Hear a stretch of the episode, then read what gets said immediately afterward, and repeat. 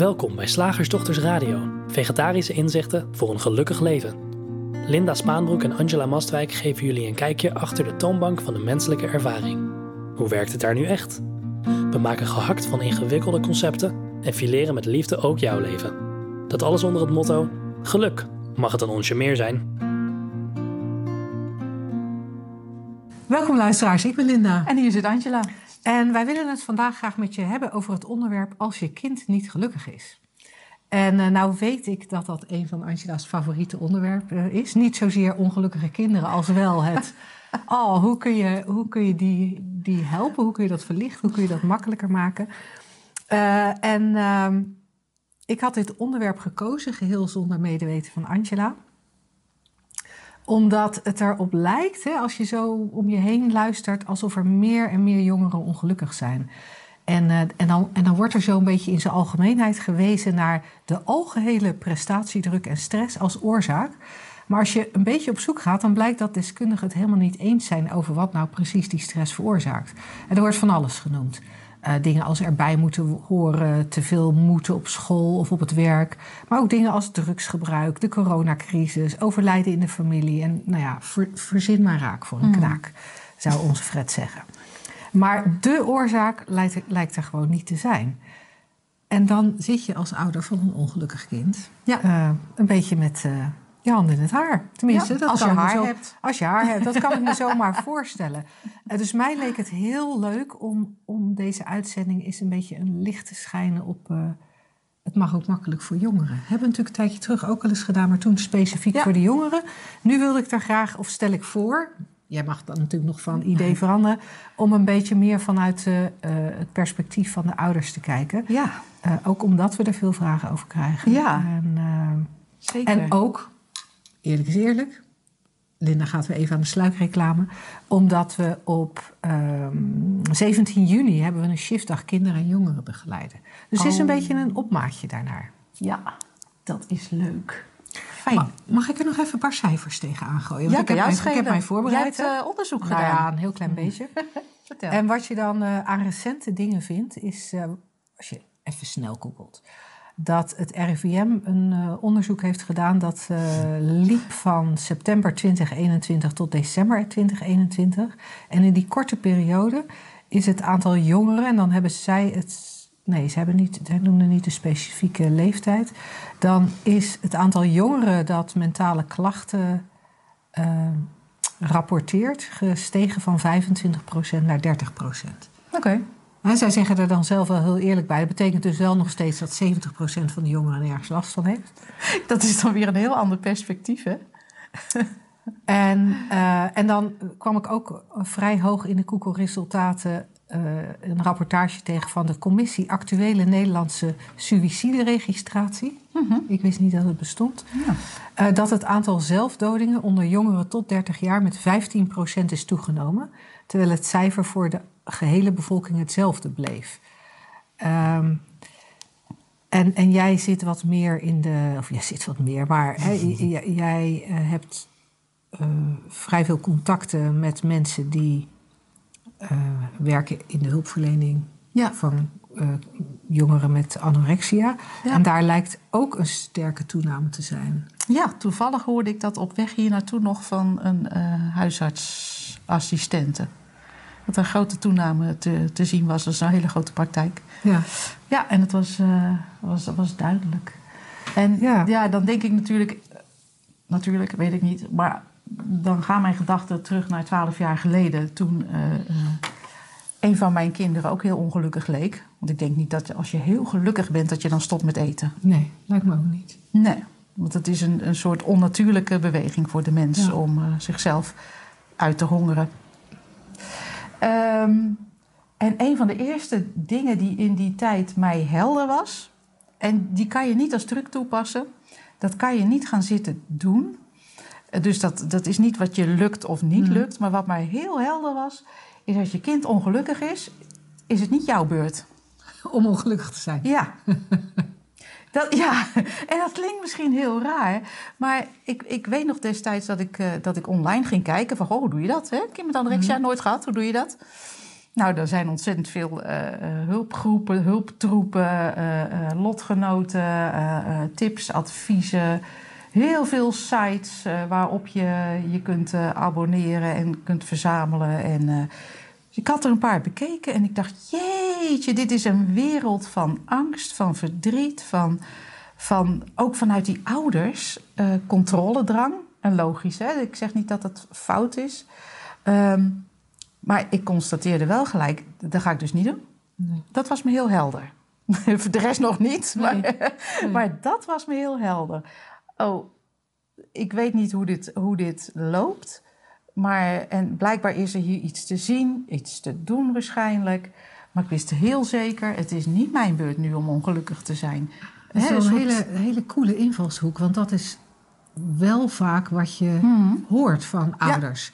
Van dat ze zelf heel erg gestrest raken, verdrietig raken, somber raken, slecht slapen. Omdat er iets met hun kind aan de hand is. Zeker. En, en we gaan nou eigenlijk door, door mijn inleiding ook het, het pad op van uh, ja, wat we dan onder ernstig scharen. Hè? Anorexia, mm suïcide, uh, die richting.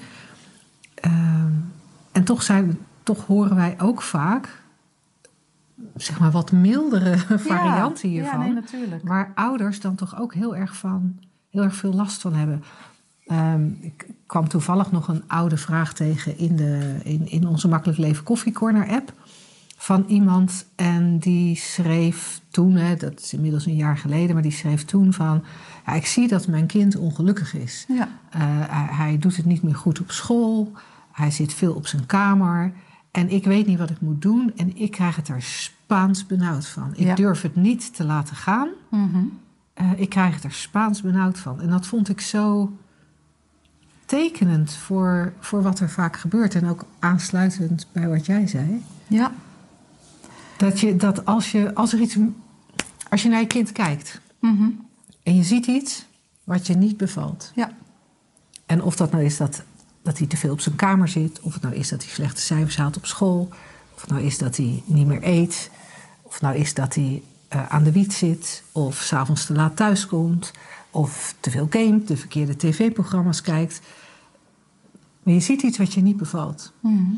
En wat er dan heel vaak gebeurt, is dat dat wat je niet bevalt, een soort van geëxtrapoleerd wordt. Ik weet niet eens of het de goede term is.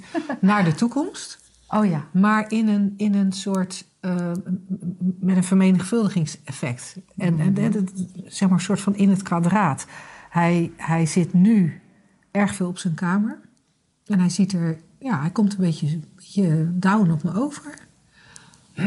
en voor je het weet, gaat het denken naar de toekomst, naar school niet halen, naar niet gaan studeren, naar geen werk vinden, naar suïcide, naar suïcide of naar geen partner kunnen vinden, de rest van het leven alleen blijven. Of ja. naar drugsgebruik. Of, maar wij zijn in staat om iets wat we nu waarnemen, wat ons niet bevalt,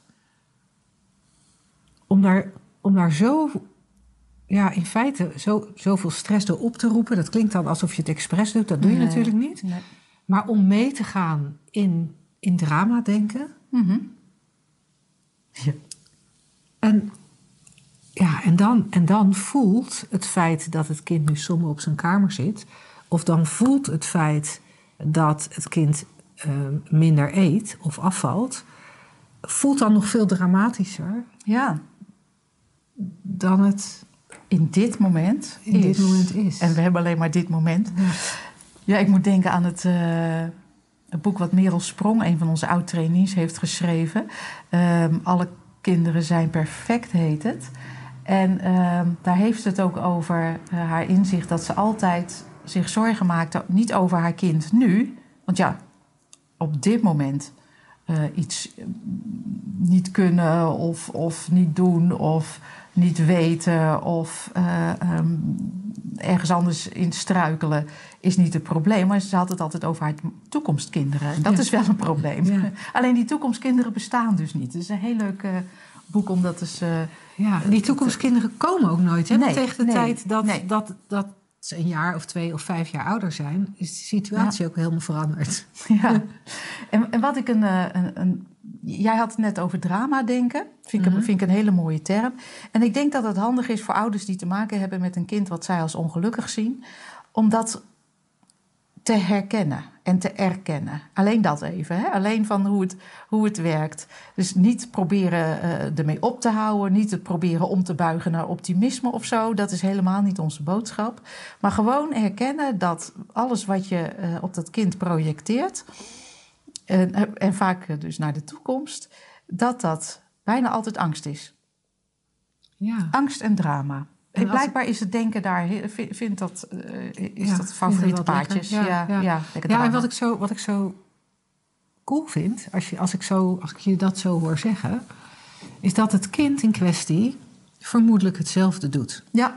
En soms kunnen we dat ook nog herkennen. Weet je wel, dat je dan. Uh, uh, en ik, ik hou het even bij de tussen aanhalingstekens lichtere dingen als op je kamer zitten en, en eigenlijk geen zin hebben in school. Mm -hmm als je het gesprek met je kind aan zou gaan, dan is het van ja, ik vind er niks aan. Ik heb er toch niks aan. Ik heb helemaal geen zin om te studeren. Uh, het gaat me toch niet lukken. Ook allemaal drama in de toekomst. Ja, grappig hè? En dat herkennen we vaak wel. Ja, van ah joh, hè? kijk maar gewoon nu hoe het gaat, maar zelf. En zie maar, en we zien, je, je probeert het gewoon, je ziet wel wat er komt. Niet. En je, je kan ook iets anders gaan doen, dat vind mama echt niet erg. Maar, maar we doen hetzelfde. En dat doet mij ook weer denken aan. Ik, ik zeg wel eens over, over kinderen. Uh, kinderen die doen helemaal niet wat je zegt. Kinderen doen wat je doet. Ja. En eigenlijk geven we dus heel vaak het, het voorbeeld van dat drama-denken, het, het, toekomst projecteren, het, uh, het zorgelijke. Het zorgelijke. Terwijl het helemaal, zoals ik al zei, onze beurt niet is. en um, ja, er is, er, er is een, andere, een andere weg. Hè? Dat, dat, dat, vind ik zo, eh, dat vind ik zo fijn. En vooral als je dus herkent en erkent dat je bang bent in het moment. Dat wou ik net zeggen. Ja. Nou, dat, dat, want dat is zo'n fundamenteel iets. Want heel vaak hoor je mensen zeggen hè, in, in gesprek ook van... ja, nee, nee, ik ben niet bang, maar ik vind gewoon dat dat echt niet kan, hele dagen gamen. En als je ook maar even iets verder vraagt er zit er altijd angst in. Ja. Want straks, of hij, hè, nu, weet ik veel, hij wordt te dik of, of hij heeft geen contact meer met, weet ik veel, of zij. Hè. Ehm, en leuk om dat even bij jezelf ook na te gaan. Ja, want op het moment dat je kind thuiskomt en zegt: Pap, mam, het is nu uh, zomervakantie. Ja. Ik heb mij voorgenomen om deze volledige zes of acht weken, afhankelijk van welke school iemand volgt, die ga ik volledig besteden aan gamen. Ik heb echt zo'n zin om hier heel erg goed in te worden. Dus reken niet op mij de komende zes tot acht weken. Uh, ik, ik, ik kom wel af en toe een bordje eten halen, maar verder zit ik op mijn kamer te gamen. Dan kan ik me voorstellen dat er ouders zijn die daar nog steeds problemen mee hebben. Maar ik kan me ook voorstellen dat als je als ouder voorgeschoteld krijgt dat, is, dat de door jou ongewenste situatie maar acht weken zal duren, dat daar prima mee te leven valt. Ja. Ah ja. Maar onzekerheid, hè? Maar onzekerheid. Over hoe lang het gaat duren. En wanneer hij of zij dan wel een keer de inspiratie krijgt om iets te doen wat jij nuttig vindt. En ik dacht, ik geef even de nadruk wat jij nuttig vindt.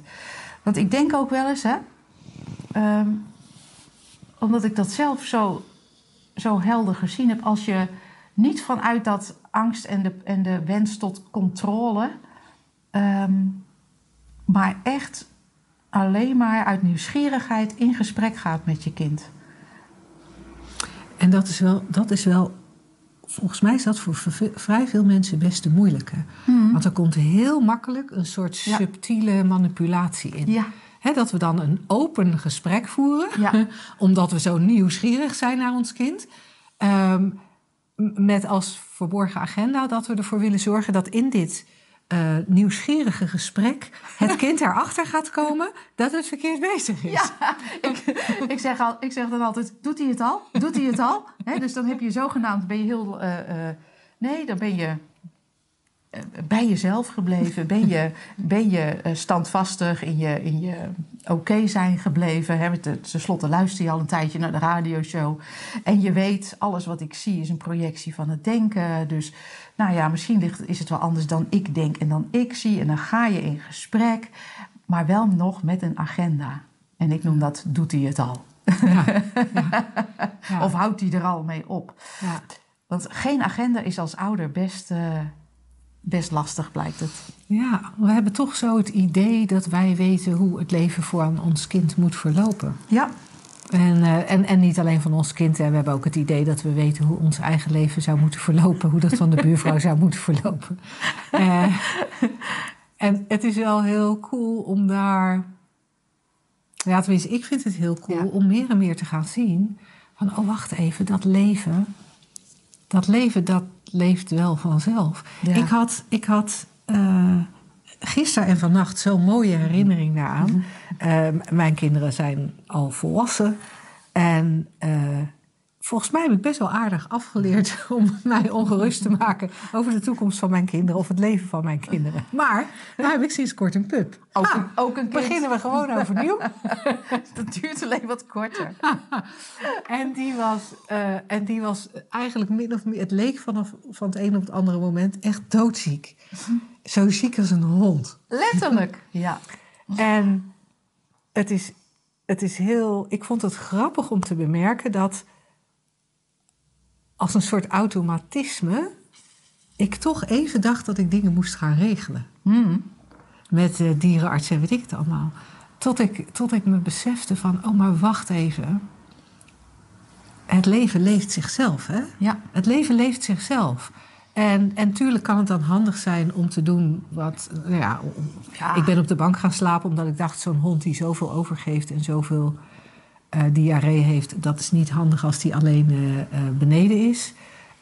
dus ik ben bij hem gaan slapen en ik ben er inderdaad vannacht vijf keer uit geweest. En dus dat leek logisch. Maar dat was niet een beweging vanuit angst of onzekerheid.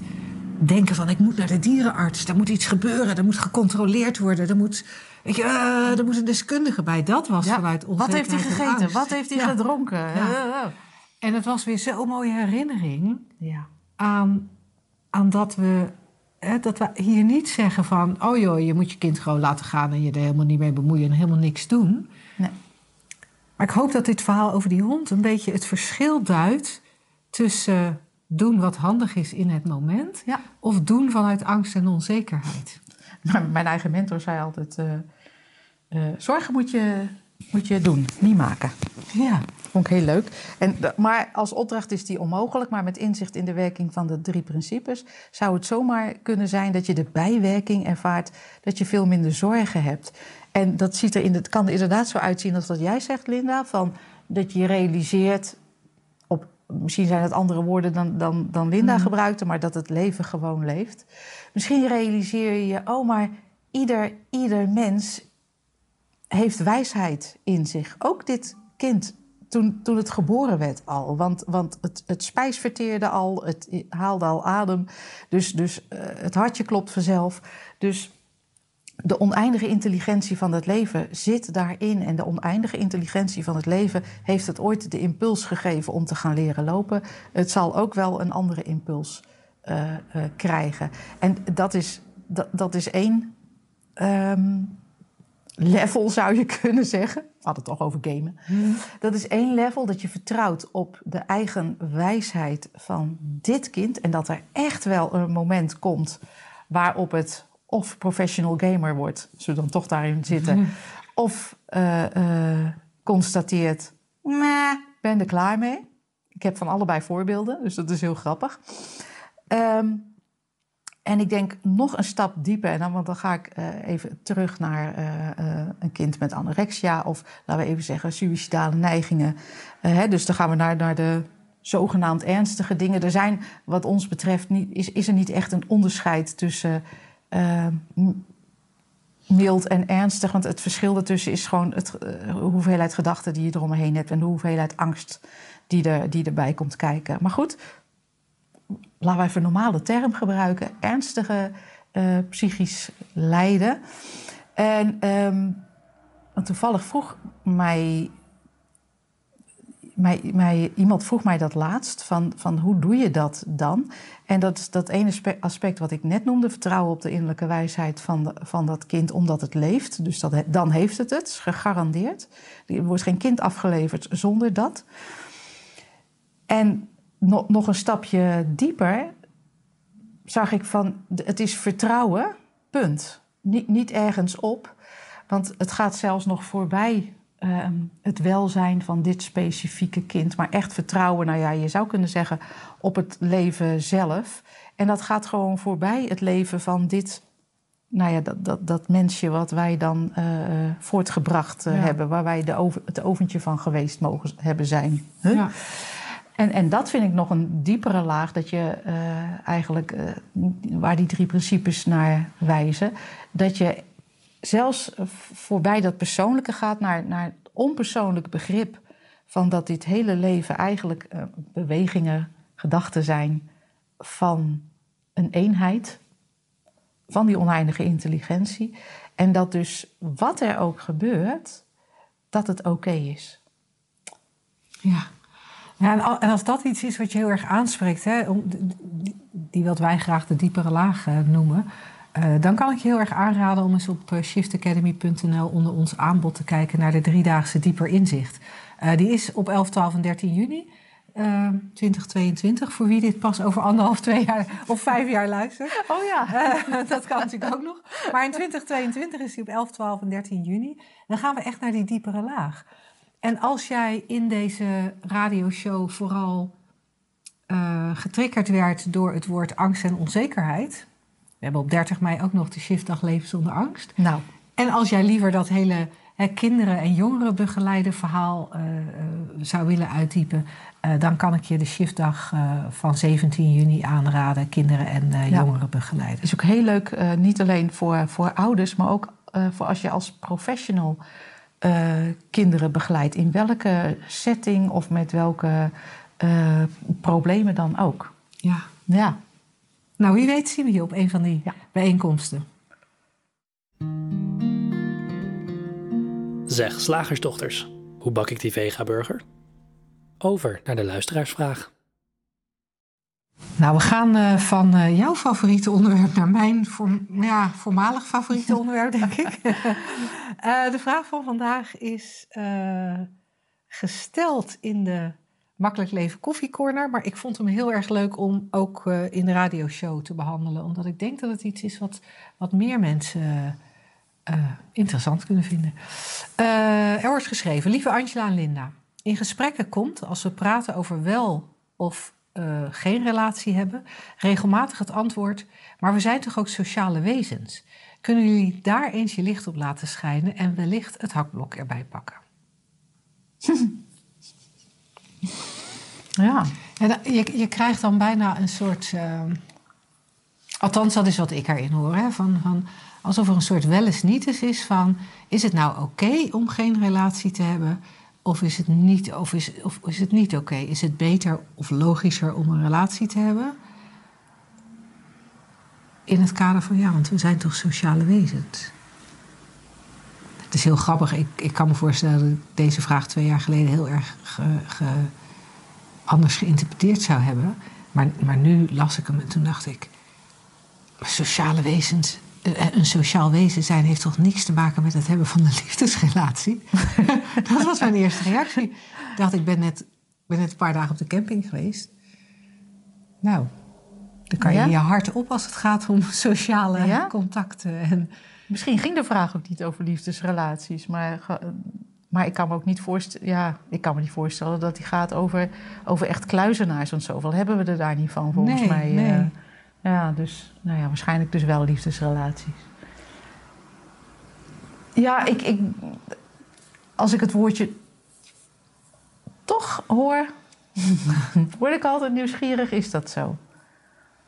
En waarom zouden we uh, uh, iets wat waarschijnlijk wel onderzocht is hè, in de biologie en misschien wel uh, op, op dat niveau nou, dat kan ik nog even ja. terwijl, jij, terwijl jij praat. Dat dat, dat, dat waar is. Hè? De, de homo... Uh, welke, wat voor mensen zijn wij nu? Homo, homo sapiens. Homo sapiens, ja.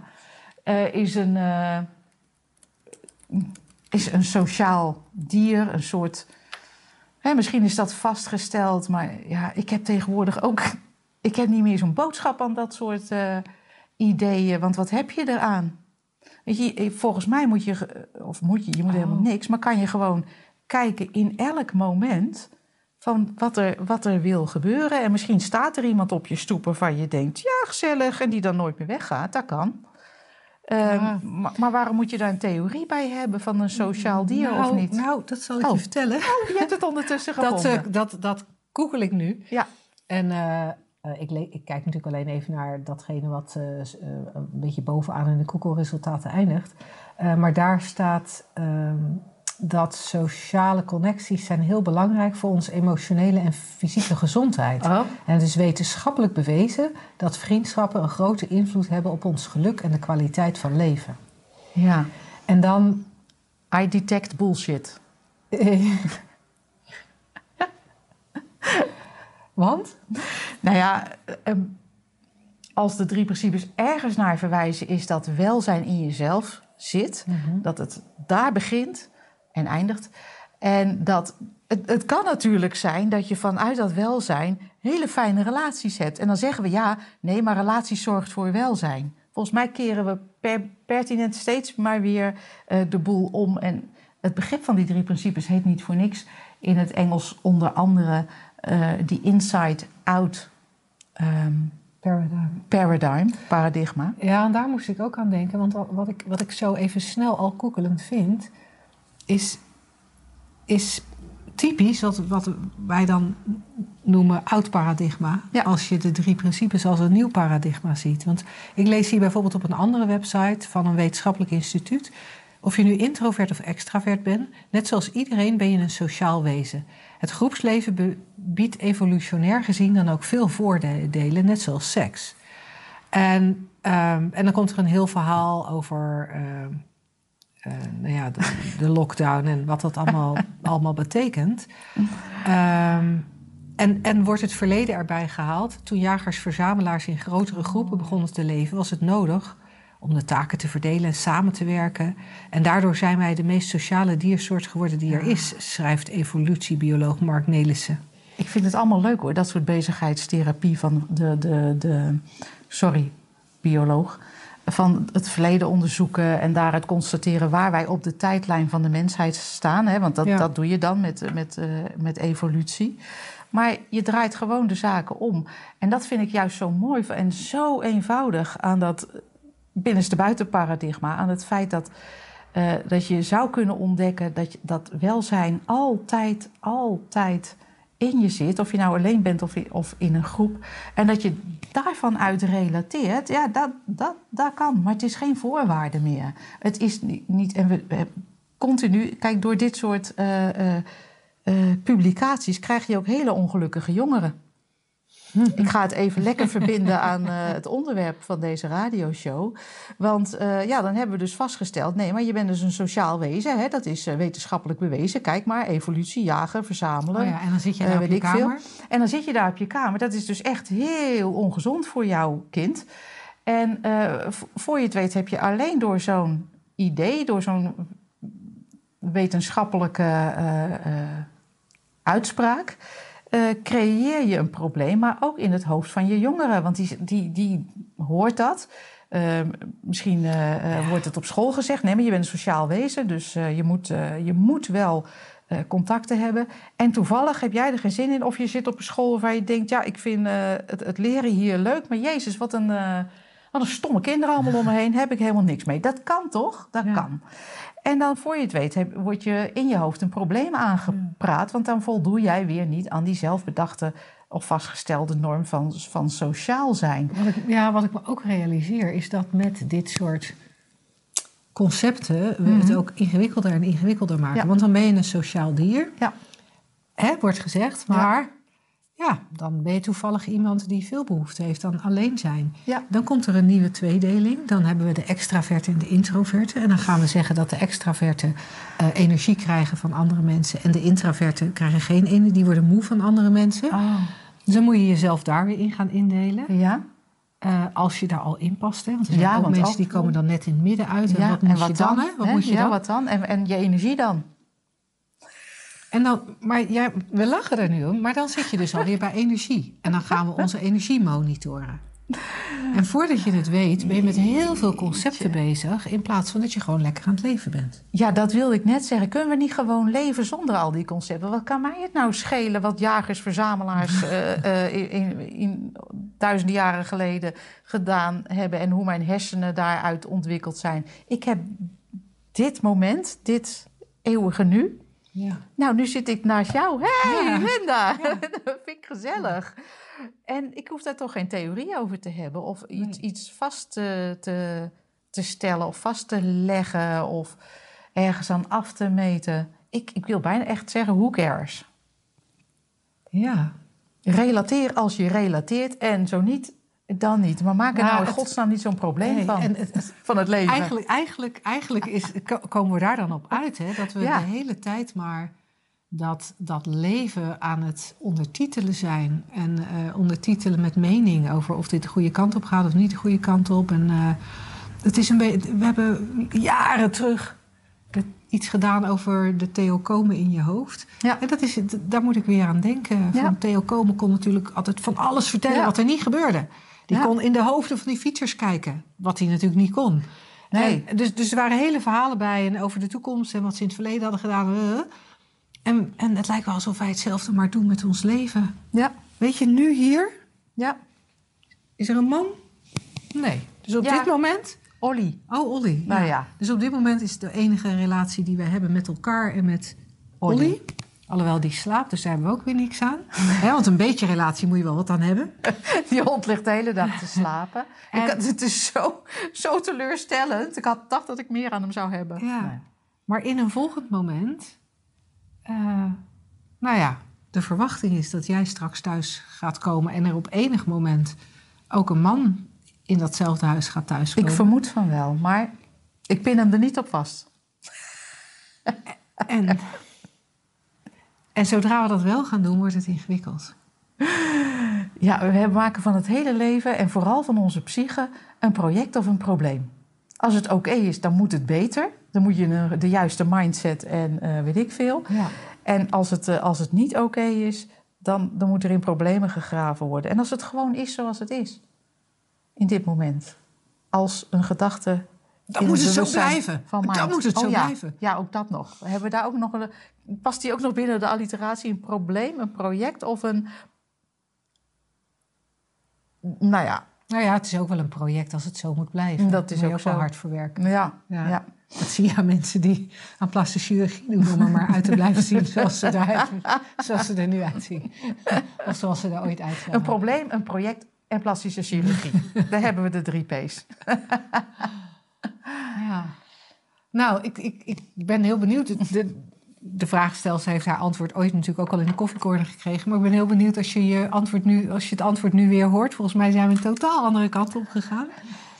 Uh, als jij als luisteraar zo'n vraag hebt, we krijgen ze heel graag. Want uh, ik had deze vraag niet voor niks uit uh, de Coffee Corner app archieven ge, geplukt. Want de vragen waren op. Oh. Heeft ook te maken met dat we een beetje vooruit aan het werken zijn. Ik kan het zeggen, ja. Maar je vragen zijn heel erg welkom. die gaan we dan in de tweede helft van juni gaan we daarmee aan de slag. Dus ehm, mail ons vragen slagersdochters.nl Woensdag gehaktdag. Zeg slagersdochters, welk concept gaat er vandaag door de molen? Nou, Rob heeft eh, voor deze week een, uh, een heel slagersdochterswaardig concept aangereikt. het beltje erbij neerleggen. Oh, die zit in ons logo zelfs, hè, van de slagersdochter. Het beltje zit in ons logo, ja. Ja, ik zie hem ook zo nog voor me. Dat bijltje wat mijn vader had, waarmee, je dan, uh, waarmee de carbonaatjes werden gehakt. Ja, ja. ja. ja en, een, en een leuk... Een leuke detail, het bijltje uit ons logo is een kopie van het bijltje dat ehm, eh, mijn, mijn ouders hadden vroeger ook een logo. Die waren aangesloten bij je eigen slager. Dat was een van de marketingconcept. En dat je eigen slager had ook, uh, had ook zo'n beltje. En dat beltje hebben we gejat voor ons uh, logo. Geweldig, dat wist ik niet. Ja. Echt leuk, ja. Het bijltje erbij neerleggen. Ja, als mijn vader klaar was met, uh, met zo'n uh, zo'n ribstuk in, uh, in stukken hakken, dan legde hij het bijltje erbij neer. Volgens ja. mij heeft het de, de betekenis van opgeven. Hè? Ja. Je geeft ja. het op. En dat vind ik persoonlijk, hè, ondanks alle adviezen van misschien andere soortige coaches om nooit op te geven, of van um, organisaties die strijden tegen ziektes. Geef nooit op. Opgeven is geen optie. Vind ik het altijd echt de beste optie ooit. Gooi het bijltje er maar ja. En, en weet je, volledige overgave aan, aan dit moment, wat er is, met kennis van die drie principes, is dat nog, ook nog eens veel makkelijker. Omdat je weet, ja, het ergste wat me kan gebeuren is dat ik een gedachte geloof. en dan maar eens kijken wat er wil uh, gebeuren. Toch denk ik dat wij als uh, in zijn algemeenheid veel mensen bang zijn, daar heb je hem weer, mm. onzeker zijn, onzeker worden van het idee van het bijltje erbij neergooien. Het bijltje erbij neergooien lees ik hier op internet, uh, is, is ook een variant daarvan. Uh, en dan zeggen ze van uh, de, de, betekenis is: je geeft er de brui aan, je pakt je biezen en stopt met een bepaalde activiteit. En als ik om me heen kijk, heb ik het idee dat, dat daar best wel veel hmm. mensen huiverig zijn voor ergens mee stoppen. Ja, hè? Je, je begint een oorlog. Ja. Je stuurt wat mensen naar het front. Je kijkt dat eens, je denkt: volgens mij is het niet zo'n goed idee. Ja. Ik, en dan stoppen. Het wordt een zooitje, maar dan niet ermee stoppen, hè? Van de week hadden we nog een gesprek met iemand die vertelde dat ze een baan had genomen die, die, nou ja, zeg maar, die viel onder een makkelijke baan. Ja. En ze vond het nu niet meer leuk. Dan zou het, denk ik, dan gooi je het beltje erbij neer in deze ja? baan en je zoekt een, een andere. Ja. En dan merk je dat daar onrust ontstaat, omdat als je het beltje erbij neergooit, je niet weet wat je dan te wachten staat. Ha in feite weten we natuurlijk nooit wat ons te wachten staat. Hè? Nee. ik gooi het beltje er niet bij neer wat betreft de Slagersdochters en Shift Academy. Maar het kan dat ik zo meteen naar buiten loop en doodgereden word. Ja, of ik lig onder de trein.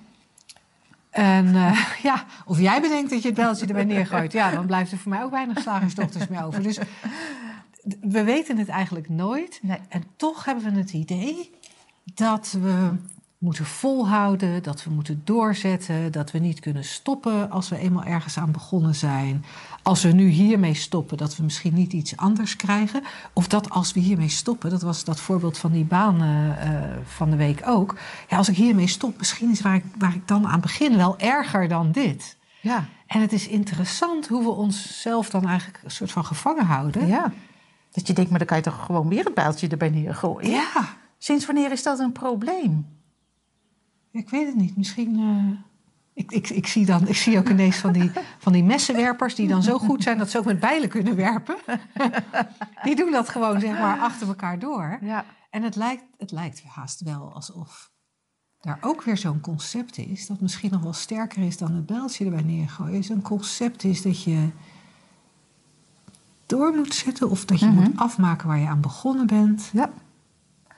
Ik, ja, Ik, en ik vind het zo grappig, want het, het kan mensen in de oren klinken. Nu kan ik me zo voorstellen van, nou ja, wat een stelletje lapswansen, die meiden, eh, die slagersdochters. Want, eh, nou ja, die beginnen dan maar ergens aan. En, eh, oh, een boutje erbij neergooien. Nou, dat is maar makkelijk. Ik hoor, mijn vader, ik hoor het mijn vader al zeggen.